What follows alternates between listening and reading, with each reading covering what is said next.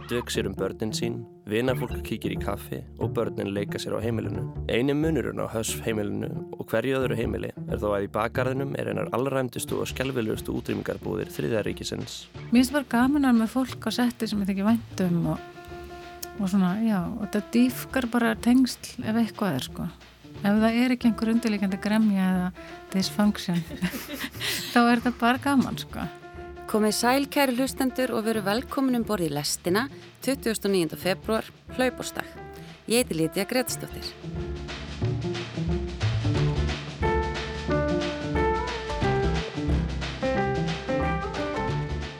Í þættinum í dag ætlum við að huga kvikmyndum. Kolbeinn Rastri grínur í nýja mynd leikstjórnans Jonathan Glazer, Zone of Interest. Við heyrum líka frumflutning á nýju lægi eftir Nínu Solvegar Andersen eða Lúpinu, það eru eftir.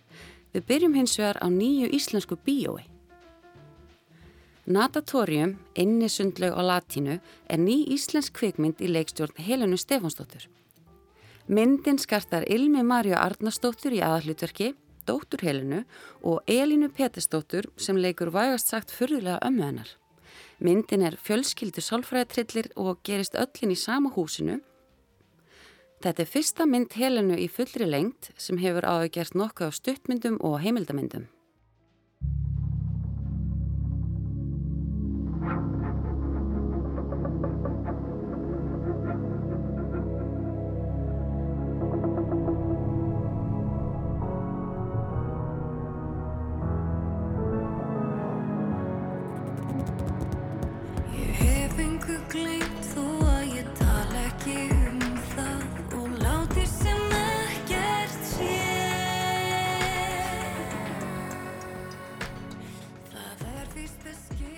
Hún er komin inga í lestina til að spjalla við okkur um Natatorium, verðt velkomin Hilna. Takk fyrir, Til hamingju með myndina. takk fyrir, kella. Hvernig er svona fyrstu dagarnir eftir frumsýningu?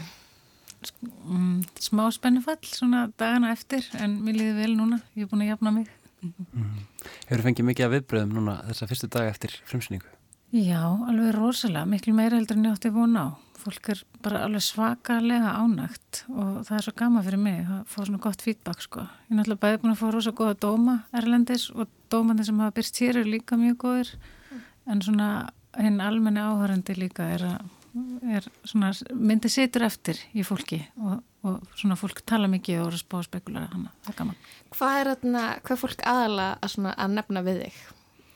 Sko það nefnir kannski helst bara heiminn í heilsinni eins og það er svo fólk svona sógist inn í heiminn. Ég, ég heyrt það svolítið mikið. Bara alveg strax í byrjun það sógast inn í heiminn og svo ertu bara einhvern veginn svolítið eins og þú þurfur að halda niður í randanum í smá svona innilokunarkendi eða þannig. Og það er kannski bara akkurat það sem ég var að letast eftir að ná fram.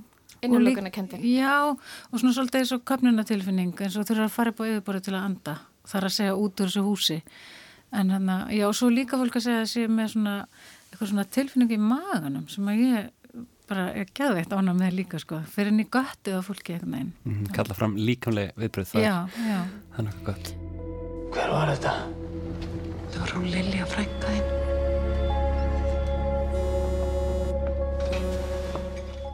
Borða Kalli ekki? ég var, ég byrjaði sem dansari þú veist, ég byrjaði að dansi bara þegar ég var 12-13 ára og held ég áfram til ég flytti til Fraklands og þá var ég í, sagt, í hérna atvinnu danshóp svo bara fór ég í svona physical theater skóla sem er svona spuna leikússkóli sem að aðla byggjar á, á líkamsvinnu í París og, og kom svo heim og ætlaði að byrja að gera leikús en fattaði strax að mér langaði ekki neitt til að vera á sviði og fór eiginlega bara fyrir tilvílin að vinna með vinkunum minni sem er kveikmyndalegstjóri og þá bara eitthvað nefnir fekk ég bakteríuna sko. Þannig ég kem úr svona líkamlega svona fysikal bakgrunni áðurinn fyrir inn í bíóið. Ég var eitthvað nefn búin að stempla þessum myndlistakonu. Já, svo fór, er ég með master í myndlist líka sko. Ég fór til Gautaborgar og lærði media art sem að er uh, svona miðlatengt myndlist og var að gera stuttmyndir og vídeoverk þar. Þannig að já, ég er líka myndlistakona. Þessi hugmynd, uh, þessi fjölskyldusaga, er hún búin að sita í þig lengi? Já, sko, í rauninni var fyrsta ímyndin sem ég fekk í hausinn sem var svona kveikjan að þessi ferðalagi anatatorium, það var þessi fjölskyldudinnir. Það er svona þrjár kynnslóður af fjölskyldu saman í aðeinslega fallegu umhverfi og allir er að vera glæðir og að halda upp á eitthvað og svona, en svo er eitthvað svona undir niðri sem kraumar. Og ég var búin að skrifa þessa alveg bara fyrir rosalega lengu síðan, sko, en vissi ekkert hvað ég ætlaði að gera við hana. Svo var ég með aðra sögu um hálsískin sem er ekki alveg upp saman sem verða hrifina hvert aðru og það átti að verða stuttmynd og svo kom frétti af þessu með að það væri til fíkn sem heitir drauknunafíkn, las másu það sem alpersonan var með það og fór að googla það og, og eitthvað nefnir þá fór þetta allt saman svona púslina að ræðast saman og úr var þessi saga sko, bara svona ímyndir og myndir sem ég sá fyrir mér alls konar personur sem ég klætti í alls konar dysfunction og, og hérna má sletta svona. Já. Hvað er aftur dysfunction samt á íslensku? Æ, það er svona ég, ég veit, það er svona eiginlega bara furðulega hegðun, ég veit það ekki. Það, já, það er svona ég myndi segja allir með þess að meðvirkni væri dysfunction, þú veist, það er ekki beinlega sem ég vilja segja þessi sjúkdómur en það er svona, þá fungerar ekki alveg vel í, í þínu svona nærum hverfi og í samskiptum við fólk. Ég mitt, uh, og það er svona, já, kannski þessi áhugi endur speiklist að einhver leti í mitt þessu persónugalleri sem við sjáum í, í myndinni. Um, sko, ég kannski fórvitin um mitt að að þetta er þessi fjölskyldusaga, uh, hugmyndi kveiknar í kringum þessa senu sem þú skrifar, fjölskyldu matabóð, þar sem allt virkar aðeins á yfirborun en svo kraumar eitthvað undir niðri. Sko, mér kannski spyrjaði bara á hverju byggirðu þessar personur? Mm, já.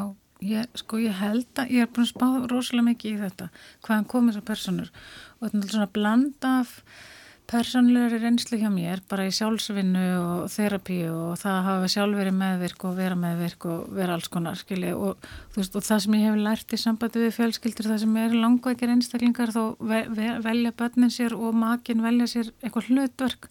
Að vera trúðurinn, að vera tindabarni að vera veist, það sem heldur utan um allt hetjan og allt þetta Þetta er bara svona bæði mín persónulega reynsla og líka það sem ég lesi mig til og það sem ég sé í, hérna, í samfélaginu, bara í kringum mig, veist, bara í búðinni og kaffehúsum, þú veist, þeir eru labbútið að götu og eitthvað svona. Og svo líka bara sko bækur eins og Oliver Sacks, hann hefur, hefur inspirerað mig mjög mikið með bókinni sinni til dæmis The Man Who Mistook His Wife for a Hat. Ég veit ekki hvað það heitir á íslensku. Mm. þannig að það hefur gert leikrit upp úr ég hef gert stuttmynd upp úr sögu eftir hann veist, sem, og svona, já þannig líka bækur og bíómyndir og bara alls konar. Mm. en það er ekkit endilega eitthvað allt mín persónulega reynsla það væri náttúrulega líka bara mjög skrítið ef ég hefði upplifað þetta allt. Þetta er ekki fjölskyldan þín? Nei, og bara ég þekki enga konu til dæmis sem er með þetta heilkenni sem amman í þessari myndi er með, sko. Sem er hvað? Munchausen by proxy. Mm -hmm. Vist, það er, það er þetta, þessi veikindi að þurfa að halda annar manneski veikri, þessi, þessi sjúkdómur þurfa að halda annar manneski veikri til að fá viðkenningu og vera svona heilug, vera svona svona Marja Magdalena sem sinnir og, eða, eða Marja Teresa svona smá þannig syndrom sko mm -hmm. Það var aðna, voru ekki það var þessi saga aðna og Gypsy Rose það voru að gera sjónvastættir, varstu kannski búin að horfa á það það var aðna stelpun sem enda á því að, að myrða mömmusuna sem var með Munchausen by proxy. Já. þetta var alveg svona mjög stórst mál í bandaríkjunum og nú er hann að losna á fangilsi ég var ekki búin að horfa þetta áður en ég skrifa handriti sko. ég horfa þetta eftir að ég fór að rannsaka þennan sjúkdóm með leikoninni mm. þá, þá stútur við rosa mikið og við, ég er alveg sérfræðingur í þessum veikindum sko. Og við bara, því mér finnst líka bara svo mikilvægt að ekki bara sjá það sem er á yfirborðinu heldur líka fara inn í manneskina, hvað er hún að koma og hvernig, hvað aflengar hefur þetta fyrir hana eins og fyrir þessa konu í minni bíómynd, Áróru, hún er rosalega einmanna, hún er alveg, hún getur ekki lefn nefnum að sér, hún þú veist, að því hún er bara búin að, hérna, hún þarf að vera með völdin og svo mikilvægt að maður fara svona inn í personuna og fari þáleið frekar heldur en að sína bara personunar eins og við utan frá síð, sjáum þar, skiljið mig. Mm.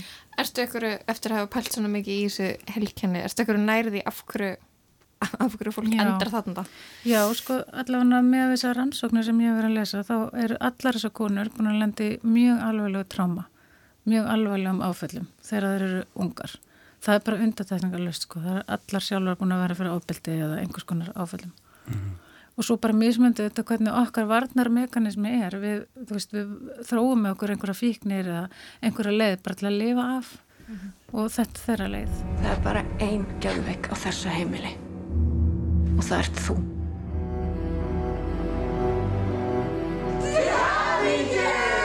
Það var gæðveikt gaman að vera hérna og svo mér svo sundlega í kjallarunum. Það hefur ekki verið vatn í þessari sundlaug í mörg ár. Sko, eitt sem mér langar kannski að, að tala eins um, hérna, það er mikið af konum sem koma að þessu verkefni. Um, er þetta eitthvað sem að þú velur að gera eða, eða raðast þetta bara svona upp? Njá, svolítið meðvitað. Mér langaði til að hafa, hafa svona 50-50 eiginlega bara. Og, hérna, og við, ég og framlegandi minn Sunna, hún, við vorum alveg sammála um það að það væri gaman að hafa svona kvenna teimi í kringum okkur sko. Og ekki það ég er alveg til að vinna með köllum, það er til fyllt af frábærum köllum og svona, en þetta var bara eitthvað sem okkur langaði að gera þetta skipti. Fannst þér það breyti ykkur á setti og í framleyslinni að vinna með svona mikið konum? Já, það er rosa mikið drama. ég veit ekki af hverju það er svona mikið drama í kringum okkur konur. Ég bara, ég, það er örgulega eitthvað samfélagslegt og uppeldislegt, sko. Tökum allir persónlega og erum, verðum sárar og fáum höfnuna kjent og allt þetta. Menn strákunum er bara svolítið alveg sama og ég, tala, ég veit að það er að tala mjög almennt. Þetta er ekki algilt um alla. En ég fann alveg fyrir þessu, sko. Einmitt. Um, þannig að um, við getum reynda að greina þetta og skilja af hverju um, en mér langar, bara, mér langar einhvern veginn bara strax samt að fara að tala um settið þarna, og húsið Já. sem að, þarna, þessi bíómynd gerist inn í. Mm -hmm. byggðu þetta hús. Já, við byggðum bara alveg tekja hefði einbilshús inn í stúdjó og ég var sko búin að skoða rosalega mikið á húsum af því að þetta hefði verið kannski næs ef við hefðum getað fundið eitthvað hús út í bæ. En það var bara ekkert hús sem að var, þú veist, passaði. Af því ég var búin að sjá fyrir mér þetta hús og rosalega lengi og ferðarlega leikarana inn í húsinu og kamerunar af því ég hugsa alltaf svona svolítið í kóreografíu myndavélin og leikararnir og reyfingin í rammanum í, í svona samhengi og, og jafnvægi við lukkið á, á hérna senunum. Og ég fann bara ekki rétt á húsið þannig að við endaðum með því við ákvæðum bara já ok, við byggjum þetta bara. Og Snorri Freyr Hilmarsson sem að hannaði leikmyndina hann fóð bara í bæ og fann hús sem hendaði þegar það er svona nokkur skot utan á húsið. Svo bara hann innra byrðið á húsinu miða við að geta passað inn í þetta hús Þannig að hvað tók þetta langan tíma? að smíða húsið geta ekki svona mánuð kannski, ég myndi ekki sko það, já. Við erum alltaf með teimi af mjög vönum leikmyndasmiðum á verkstæðinu sem að gera ekkert annað en að smíða leikmyndir miklu stærri en þessar sko, þannig að þeir eru bara að rúlega þessu upp. Já, mánuð kannski að smíða og svo mánuð að, dressa, því að koma með allt inn í mála og allt þetta. Einmitt. Einmitt, um, maður upplifir svolítið að, að sko húsið er einhvern veginn eins og sko persóna í, í myndinni uh, það er svo stór hluti af, af þessari sögu og, og, og náttúrulega sko myndin meira og minna gerist bara inn í þessu húsi. Við, fyr, við erum aðeins þarna fylgjum Lilju þegar hún er að koma uh, í bæinn í upphafi en svo förum við ekkert út úr húsinu. Getur við talað eins um þetta, þessa ákvörðin Já, mér finnst bara mjög gaman að heyra að þú segir að, að þú upplifir húsið sé persón í myndina því það er akkur það sem ég er, er að reyna að gera. Fyrir mér er húsið bara orðið hálfgert skrimsli. Þannig að þegar krakkarnir sem er orðin fullorinn koma inn í þetta hús þá bara líði þeim strax illa. Og hérna, og ég, það eru nokkra senur sem voru tekna sem gerast fyrir utan en svo þegar ég voru að klippa myndina þá bara gáta þeir ekki verið með. Ekkur, ekkur hluta vegna þá urðu við bara að vera inn í þessu húsi til þessi tilfinning um innilökunarkend kæmi svona stert fram og það var bara, ég reyndi eins og ég gata að hafa þær inni en það bara, gat, það bara dött alltaf út En það er svo, þetta er svo fallegt heimili, það er svo stíliserað, það er svo vel dressað. Skipti það líka ótrúlega miklu máli að við sjáum, þetta er svona einhvern veginn fjölskylda sem hefur það mjög gott. Já, mér finnst að skipta máli sko að við finnum fyrir því að árara sem að á þetta hús hún, hún er með fullkomnir ára það verður alltaf að vera fullkomið og hún á þetta, þetta er hennar. Hún, þannig er hún algjörlega með 100% völd og engin annar er með neyn völd. Nema krakkarnir hennar tvö þau hafa smá völd inn í sínum herbergjum. Það kemur aðeins fram í myndinni. Það má blóta þar inni og eitthvað svona. Þannig að já, ég líka bara mjög mikill fagur keri sjálf. Ef ég myndi alltaf að gera eitthvað druslulegt sett þá þurfti að vera fallegt druslulegt Þegar þú varst búin að sjá, búin að sjá fyrir þetta hús inn í þessar sögu, vissur það að það myndi líta eitthvað neins svona út? Já, ég haf búin að sjá þetta fyrir mér alveg bara í nánast í smáatriðum sko. Þess kemur náttúrulega snorri með sína sín ofan og það og liftur upp að herra plan auðvitað mm. en, hana, en ég var með mjög skýra hugmyndir þegar ég byrjaði að vinna með honum. Að sjá svona uh, einhvern veginn ímyndað rými, rými sem maður er búin að hugsa upp verða veruleik, að það hlýtur að vera svolítið sérstak tilfinning. Já, það er bara geggjað. Þú veist, snorrið smíða eða bjóð til úr pappir svona lítið líkana þessu og setti svona litlar svona pappafíkurur inn í og húsgögn og svona og ég gæti kikt um gluggan og hreft mig, ég fekk bara svona gæsa út. Og svo þegar þetta kom upp í stúdíunum það var náttúrulega bara, bara magnað. Og það var líka alltaf gama fyrir leikarana Geta, þau, ég lefði þeim að æfa þess inn í settinu og finna tilfinninguna hvernig það var að vera inn og reyfa sig í rýminu og kynast hvort öðru sem fjölskyldu og svona Þannig að já, þetta var alveg mjög skemmtilegt verðalega sko. Er laugin í settinu?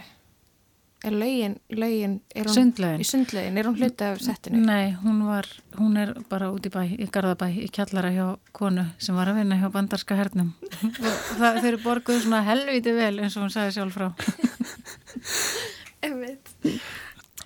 Sko, eitt sem að mér langar kannski að koma aðeins inn á, að því að, já, eins og við töluðum aðeins um aðan, þetta er fjölskyldusaga, þetta er dramatísk fjölskyldusaga, það er alls konar eh, eins og þú segir alls konar dysfunction, meðvirkni eh, og undarlega hegðun um, undarlega hegðun og minnstur og svona í gegnum myndina er í að að einhvern veginn, sko, einhverju hryllilegri baksugur, hryllilegum lindamálum úr fortíðinni. Um ég veit ekki, myndin af sagt, af þessari sögu verður kannski aldrei fullkomlega skýr. Mér langar að spyrja það út í þetta. Um, er það einhvern veginn er, er það markvist að við erum skilin eftir kannski með fleiri spurningar heldur en svör, veistu hvað við? Já, ég skilji alveg, sko já, það, það er bara mjög meðvita hjá mér Ég, mér veist ekkert skemmtilegt og mér veist ekkert áhugavert að sjá bíómyndir eða, eða leikust það sem að mann er bara rétt allt, allt er framreitt og þarf ekki að hugsa neitt eða finna neitt eða, eða vera forvitin eða spá spekulera. Þannig að það var mjög meðvitað hjá mér. Ég þurfti reyndir að strýpa út úr handritina, var alveg alltaf goðar útskýringar og fleiri endurlit og svona í handritinu framan af. Svo strýpaði alltaf meira og meira. Þannig að það sé bara smá svona í að því að eitthvað ræðilegt hafi gerst. Og maður samt fær að vita það dó stúlka í húsinu. En, en ekkert svona mikið meira en það og mér finnst það heldur ekki skipta máli mér finnst alveg áhendur með bara búa til sína sög, hvernig gerist þetta hver ger, gerði þetta, hvar gerist það og, og út á hverju og allt þetta mm -hmm. aðalega atriði er að það er eitthvað það er eitthvað svona ljótur sannleikur hérna undir eitthvað svona svart fortíð sem gerir það verkum að þau eru alls svona eins og þau eru í dag. Það er algjörst aukatrið hvað nákvæmlega var sem gerðist sko. Þetta er meira bara svona tilfinning. Hvernig, hvernig var að vinna með þessum leikurum? Þau eru svona misrenslu mikil. Mm -hmm. Já, ég sko elska bara að vinna með leikurum. Mér finnst það bara að það er að skemmtilegasta fyrst mér að vellu mm. og, og Ég spá ekkert í því hvort að leikarar eru með reynslu eða, eða, eða þú veist hvort þið er góður eða slæmi leikari eða eitthvað bla. Þú veist, eina sem ég skipti máli fyrir mig er að hitta manneskina, tala við hana og horfi á hana og finna svona hvort að væpið sem að kemur frá henni er að passa við mitt væp og hvort að við erum að tengja. Og, hérna, og ef það gerist, ef ég sé að manneskina er örlátt og, og og hérna og hóvar líka að láta svona auðmjög og hóvar þá veit ég bara að þessi mannski getur delivera því sem ég vil að, fá já, en þannig En svo er líka, er ekki, það er svolítið svona fjölskyldutengsl líka í myndinni, þú ert að vinna með já, allavega dóttiðinni sem já. leikur hefna Lilju, aðluturki og svo Valur Máurðin, hvernig, hvernig Sko, Hvort þetta hafa ykkur áhrif? Sko Valur er búin að vera inn í þessu bara í, í tólti langa tíma, alveg örgulega fimm ár. Hann lasi yfir handritið fyrir mig og svona eitthvað neginn og var bara hjálpað mig með þetta og hann var alltaf afinn. Þú veist, það bara kom aldrei neitt annað til greina hjá mér. Ég tala ekki við neina aðra leikari það hlutar. Nei, það var ekkert mál. Það bara, bara hann hefði alveg skilt að vera ykkur ókunnut úti út í bæ, sko. Mm -hmm. En svo er ég með dóttu mína í aðluturki og ég var meitt spurðaði þegar ég, við, við vorum að kasta í það hlutverk hvort að ég væri alveg við sem ég myndi treysta mér þetta og ég kafaði alveg niður og bara skoðaði það mjög vel og bara hugsaði já, ég geti þetta og þetta var bara ekkert mál bara, bara gaman sko mér finnst bara gaman að með fólk á setti sem ég þekki væntum og, og svona, já, og þetta dýfkar bara tengsl ef eitthvað er sko. Ef það er ekki einhver undirleikandi gremja eða dysfunction þá er þetta bara gaman sko. Einmitt, það bæti kannski á dýftina á, á söguna sem við verðum að segja að það sé fjölskylda sem er að segja þessa sögu að ykkur liti saman. Já, en mér langar samt að segja að Ilmur hún fór í pröfur sko, hún kom inn í verkefni gegnum Doorway Casting Já, og ég sagði við ekki frá því hún var í dóttu mín sko hann tók okkur 14 stelpur í pröfu og hún var eina þeim ég baði um nokkrar og hann kom með nokkrar svo þegar við fórum að ræða þetta og hann var búin að taka hana út fyrir svega og okkur tvær aðrar þá sagði hann um að vera dóttu mín Nú, það er þannig. Já. Þú pikkar ekkert bara í hennar við fjölskyldum og Nei, segir, nei, nei, viltu leika? Nei og ég var alveg lengi að að taka þessu ákvörðun að að- að hafa hana í hérna, þessu hlutverki sko. Og til maður getur alveg séð fyrir sér eitthvað svona, já, verður til að gera þetta aftur og gera þetta svona og fá bara eitthvað, uh, nei mamma, láttu mig í friði, þú veist. Já, ég veit, það kom eitthvað eitt atviku upp með það var þegar hún var að spila á sellóið og hún var svo, hún alltaf er ekki selluleikari sko, hún er fyrirleikari og hún var svo meðvitið um að hún var að gera þetta svo illa og allir á settinu væri að, að dæma hana og þá fór hún í vörn inn í sér og þegar ég fór síðan að leikstýrinni að þá varð hún pyrruð. Veist, en maður það bara spotta hvaðan hlutin er að koma. Þá getur maður tekið utan um þá og, og undið ofan á því og, og þú veist, maður bara er svolítið klár. Einmitt. Einmitt, mér, mér langar að, þú nefnir hérna uh, sko þetta þegar hún er að spila á, á sellofi, mér langar að tala eins um tónlistina og hljóðvinnsluna í myndinni vegna þess að, já, það er kannski einn af svona hlutunum sem ég tek með mér úr, úr þessari upplifun, mér fannst einhvern veginn hljóðmyndin mjög já, smekkleg, mér fannst hún styðja við uh, einhvern veginn heiminn sem er verið að byggja uh, og og það sem ég tek eftir er sko mikið af tónlistin sem við heyrum berst til okkar úr söguheiminum, við heyrum hana spila á sellóið, við heyrum hana hlusta á lægið, þú veist um, getur við talað eins um þetta svona ákvarðanir í, í sambandi við sko tónlist og, og, og hljóð, hljóðvinnslu? Já, sko ég valdi lagið hennar, hennar Liljur í valin bara svolítið svona út frá hennar karakter. Og mér langaði að koma að kemur til skila hún er þú veist, kemur hann í bæinu og er sjálfstæð og það er enginn að fara ráði yfir henni að segja henni hvað hann á, á að fara að gera. Alveg í byrjun, í gegnum þetta lag You Don't Own Me. Og hérna og þó að það, sé, það er alveg svona það er ekkert eitthvað að öskra framan í þig en ef þú horfir að myndina aftur þá mynd, myndur taka eftir You don't own me. Just one of your many toys. You don't own me. Don't say I can't go with other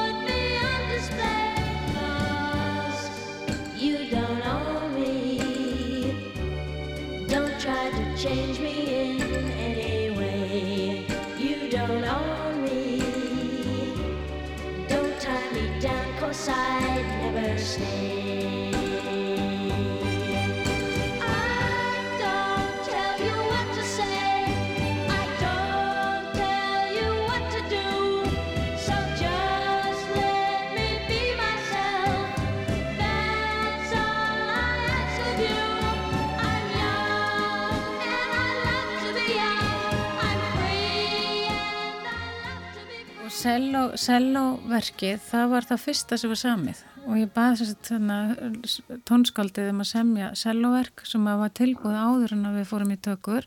Þannig að leikarnir fengi að heyra það. Og við spilum það inn í settinu og þetta er svolítið svona þema húsins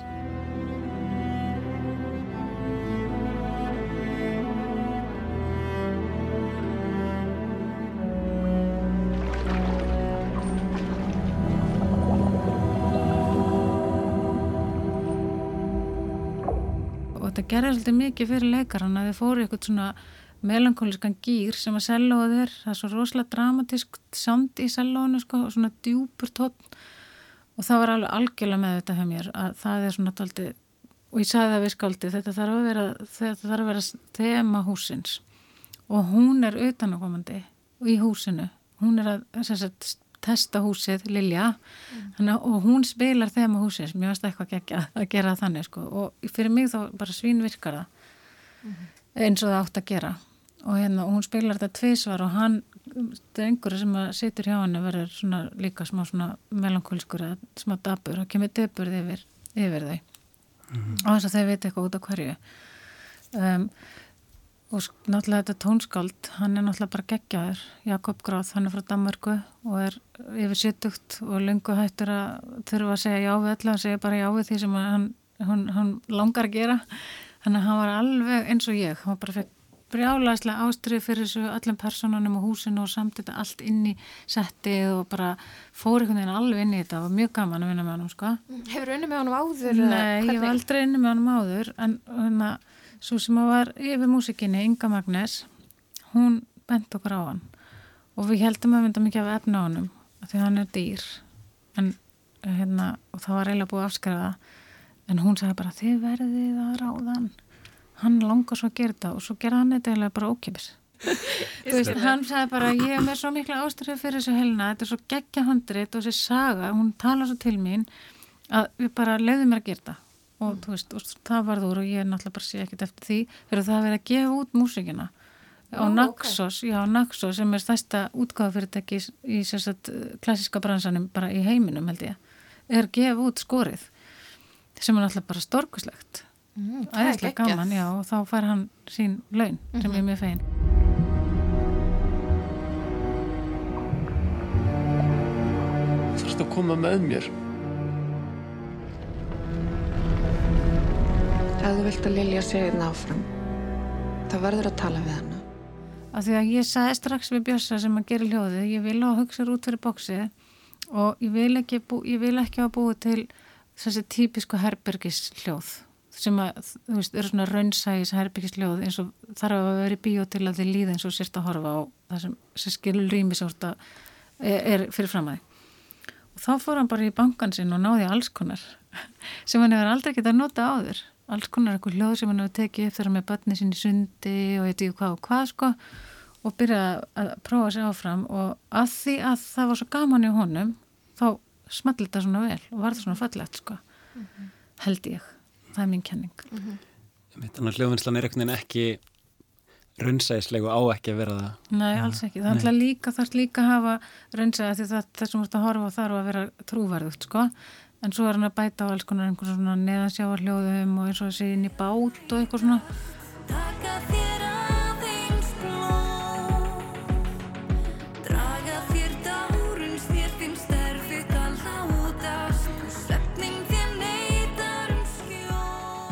það, það kemur út þessi ábreyða uh, Sölku Valstóttur Neon Me uh, í aðranda frumsningar um, af læginu Hvers vegna varst ekki kér með Pálma Gunnarsinni og, og það sem að ég fer einhvern veginn að hugsa eftir að hafa séð myndina og, og hlusta á ábreyðuna að, að það, er eitthvað samtal í gangi á milli sko, sögu, sögunar og, og svo textans í þessu lægi uh, Getur þú talað eins um þetta að, að velja einhvern veginn þetta lag? Hva, hvað segir þetta lag um, um Já, Já. Ég, sko þegar ég talaði við Sölku fyrst þá sagði ég við hann að mér langa í, að það þyrfti að velja lag sem að það sem textin myndi tala inn í myndina geti ekki verið bara eitthvað um vorið eða skiljið þannig.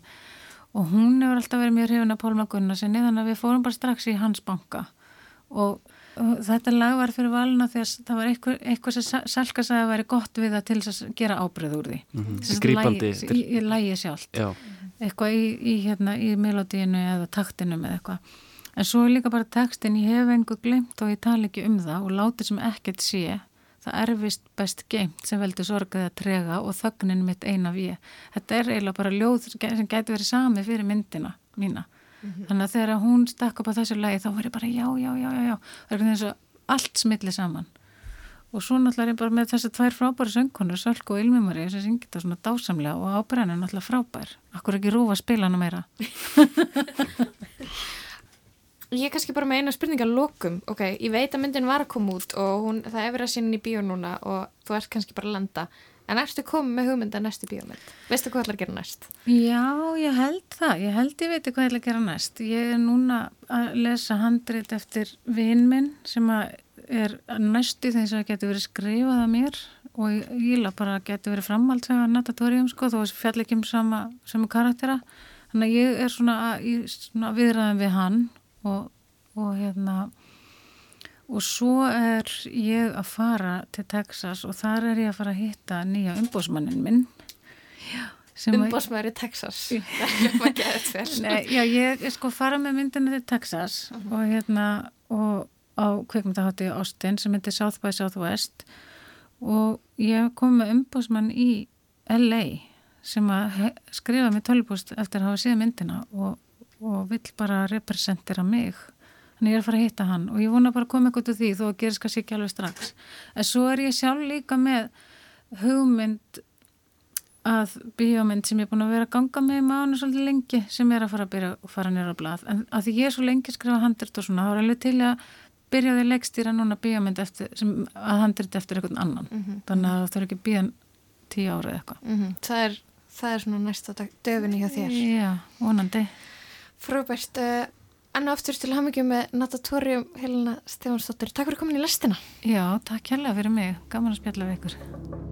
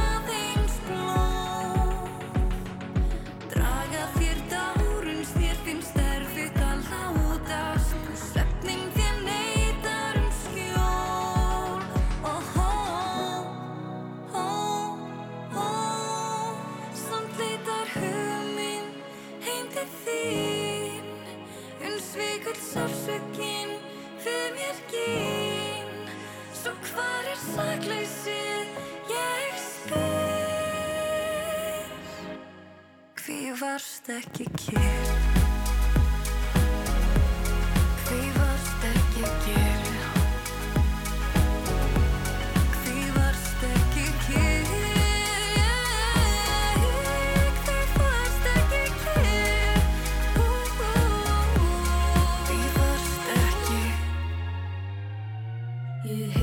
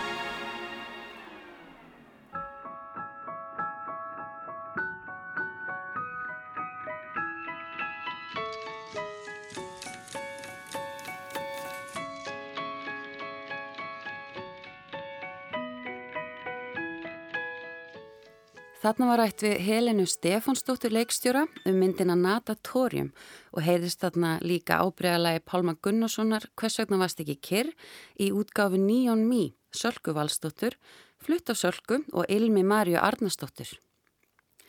Við ætlum að hverfa frá heimi kvikmyndana í augnablik en heyrum næst meiri tónlist.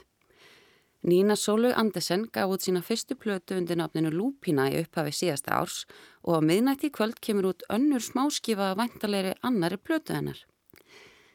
Við ætlum að bjóða upp á frumflutning af þessu lægi hér í lestin í dag. Það heitir Lúpína Sad Club og er eins og nafni gefið til kynna daburlegt danslag. Hér er mig fram eins og ég hef gert alltaf áður. En þú syngdir aldrei tilbaka Horfðir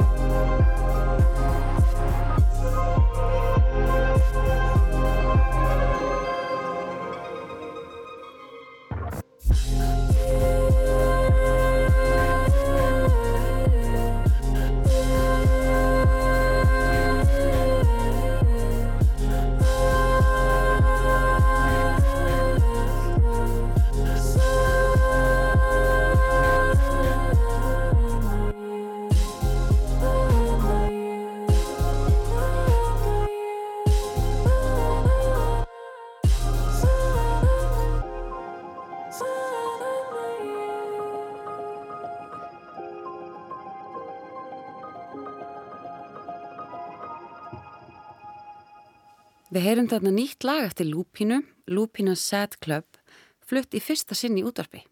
Lagið kemur út á morgun eða á miðnætti. En næstur á mælendaskrá er Kolbeinn Rastrik.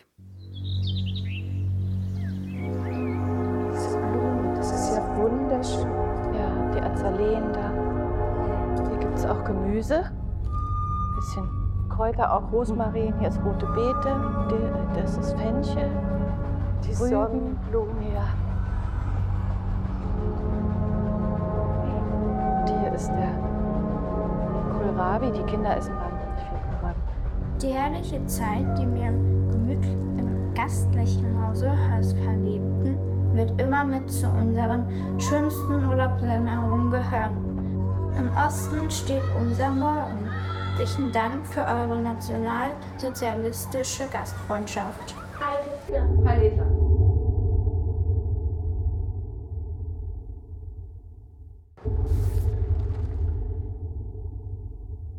Út úr myrkri ílskunar byrtist nýjasta kveikmynd Jonathans Glazer, The Zone of Interest. Er þetta hans fjórða mynd í fullri lengd. Hún hefur vakið heitar umræður en viðfangsefni hennar er einn viðkvamasti og áhrifaríkasti atbyrður 20. aldarinnar. Helfurinn og útrýmingabúðir nasista. Myndin segir frá daglugu lífi Höss fjölskyldunar sem býr í huggulegri villu uppi vikirta veggi útrýmingabúðana Ásveits. Fjölskyldan samanstendur af föðurnum Rudolf Höss, yfirmanni útrýmingabúðana og eiginkonu hans, Hedvig Höss, auk barnana þeirra fimm.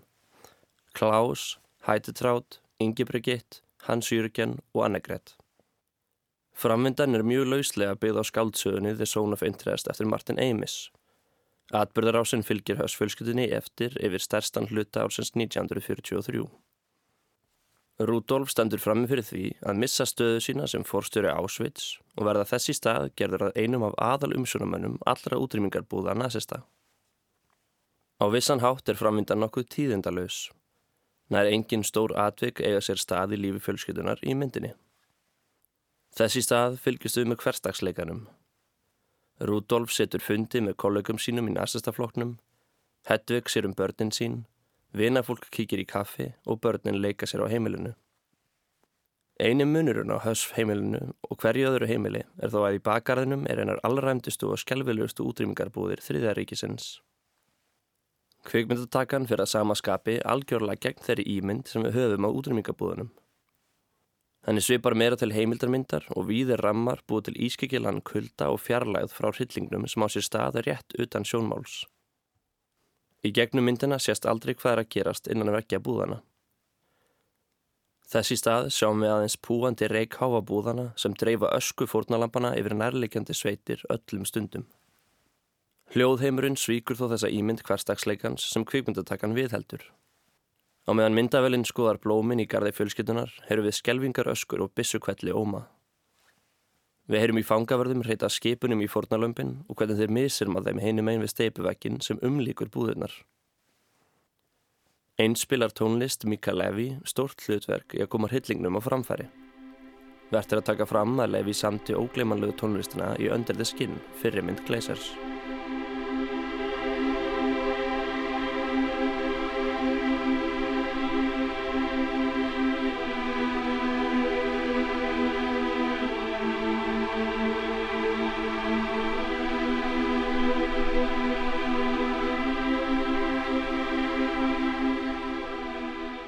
Í The Zone of Interest verðist tónlistin ofta alltaf brjóta sér leið í gegnum hinn sjónræna múr og í nokkur skipti verðast bassadrunur tónlistarinnar, stoppa myndina og rjúfa framvindina. Tónlistin nálgast hápunkt sinn á meðan einlítur rammi fyllir skjáin. Hinnu sjónræna tekst þó aftur að ná völdum og skyndilega er klift í kaffibóð eða álíka hverstagslegan atburð í lífi fjölskyldunar. Þó The Zone of Interest sé byggð á skáldsögu Martins Amis er augljóst að hún er innblásin af reitgerð Hönnu Arendt, Eichmann in Jerusalem, A Report on the Banality of Evil. Í bókinni fjallar Arendt um það hvernig voðaverk nazista voru ekki framin eingis vegna þess að þeir voru allir grimm skrýmsli, þetta vegna þess að þeir völdu einfallega að vinna vinnuna sína. Ráðamenn og möppudýr þeirra völdu að láta hryllingin ekki koma í veg fyrir að þeir gerðu það sem þeim var sagt og gáttu þeir þannig viðhaldið sínum martræðakenda hverstagsleika. Í The Zone of Interest eru mörg atrið þar sem Rudolf Höss verðist hafa meiri áhyggjur á því í hvaða bæjarfélagi hann starfar heldur en af þau mannslífum sem hann hefur á samviskunni. Hann mætur á fundi um morð á hundruðum þúsunda en í staðis að neitt kipi sér upp við það er áherslan á það hvernig best sé að framkvama það. Þjóðarmorð verður að skriffinsku og leiðendum. Það sem byrtist einni í þessum atriðum á fundunum auk atriðist þar sem Rudolf mætir í veistlu á við um æðstu embættismanna nazistastjórnarinnar er það hvernig þessi íllvirki eru verknaður skipulaðar marskinu. Rudolf er ánefa íllmenni en hann er samt sem aður einingis einn hluti hennar sem hægt er að skipta út. Verknaðurinn þarnast þess að nógu margir séu tilbúinur að líta undan og þar með taka þátt, bæði beint og óbeint. Sérstaðaði Zone of Interest fælst þar með í því hvernig hún neytar áhöröndum um hefðbundna íllmenni kvikmyndaformsins. Í kvikmyndum eru nær alltaf góðar personur sem við eigum að halda með og svo ítlar personur sem við sjáum hljóta makleg málagjöld. Kvikmyndin veitir þannig ákveðna fróun og sjónræna nöytt með því að veita áhörundum útrás fyrir þær tilfinningar sem vakna við áhorf myndarinnar. Hægt er að taka tværi myndir um svipað efni sem dæmi. Í Sindlers list sjáum við vonda nazistan Amon Gött sem Ralph Fiennes leikur beita ofbeldi í gegnum myndina og í lokin fáum við að vita að hann var hengdur fyrir glæpi sína gegn mannkinni. Schindler sem Liam Neeson leikur grætur yfir því að hafa ekki bjargað fleirum en þeir sem hann bjargaði eru honum æfinlega þakkláttir. Setna dæmið, The Boy in the Striped Pyjamas, fjallar um ungan þískan dreng sem vingast við gýðingadreng í útrýmingabúðum sem standa nálægt heimili þískadrengsins. Í lókmyndarinnar byggðist þískistrákurinn til þess að aðstóða gýðingastrákin við að finna föður sinn og laumast við inn í búðunar. Saman endaður þó í gasklefa og eru myrtir. Hryllingurinn er ánefa til staðar í báðum myndum og atbyrðirnir eru trakískir. Það sem gerist þó þegar þessar atbyrðir eru rammaðurinn í kvikmynd í hefðbundinni lengd með upphafi, miðju og endi er að þeir verða sögu sem hægt er að kannski ekki njóta en allavega neyta og leggja svo frá sér. Áharfundur fá að upplifa sjónarspil hryllingsins andspænis manngæskunni sem felur í sér í það minsta tákrannan segur. Það sem The Zone of Interest gerir aftur á móti er að spyrna gegn þessari sögu uppbyggingu og skilja áhörundur eftir án þess að veita þeim nokkra hugarró. Okkur er neitaðum að geta skili við atbyrðina sem skáldaða frásögn kvikmyndar.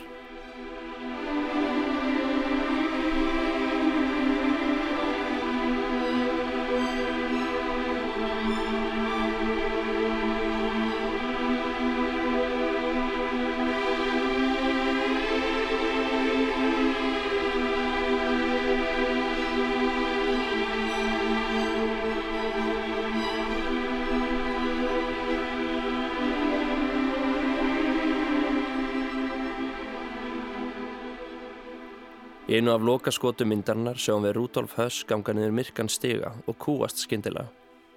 Hann nemur staðar og horfir í átt að myndavelinni. Það er klift í myndefni frá nútímanum af starfsfólki á Ásveit-safninu að þrýfa fyrir gesti. Klift er aftur á Rudolf og hann staldrar við í örskama stund áður en hann heldur áfram niður í myrkrið sem unnleikur stigan. Þetta er eitt áhrifamesta atriði myndarinnar en það er einnig beintilvísun í heimildamyndina The Act of Killing eftir Joshua Oppenheimer. Í henni far Oppenheimer fyrrum indonesiska hermenn til þess að búið til kvikmynd um pólitísku fjöldamorðin sem þeir áttu stóran þátt í um miðjan sjönda áratug síðustaldar. Í loka atriði myndarinnar endur leikur eitt grimmast í fjöldamorðingin, Anwar Kongo, fyrir Oppenheimer hvernig hann myrti fólk með stálvýr. Skyndilega byrjar Anwar að kúast óstjórnlega.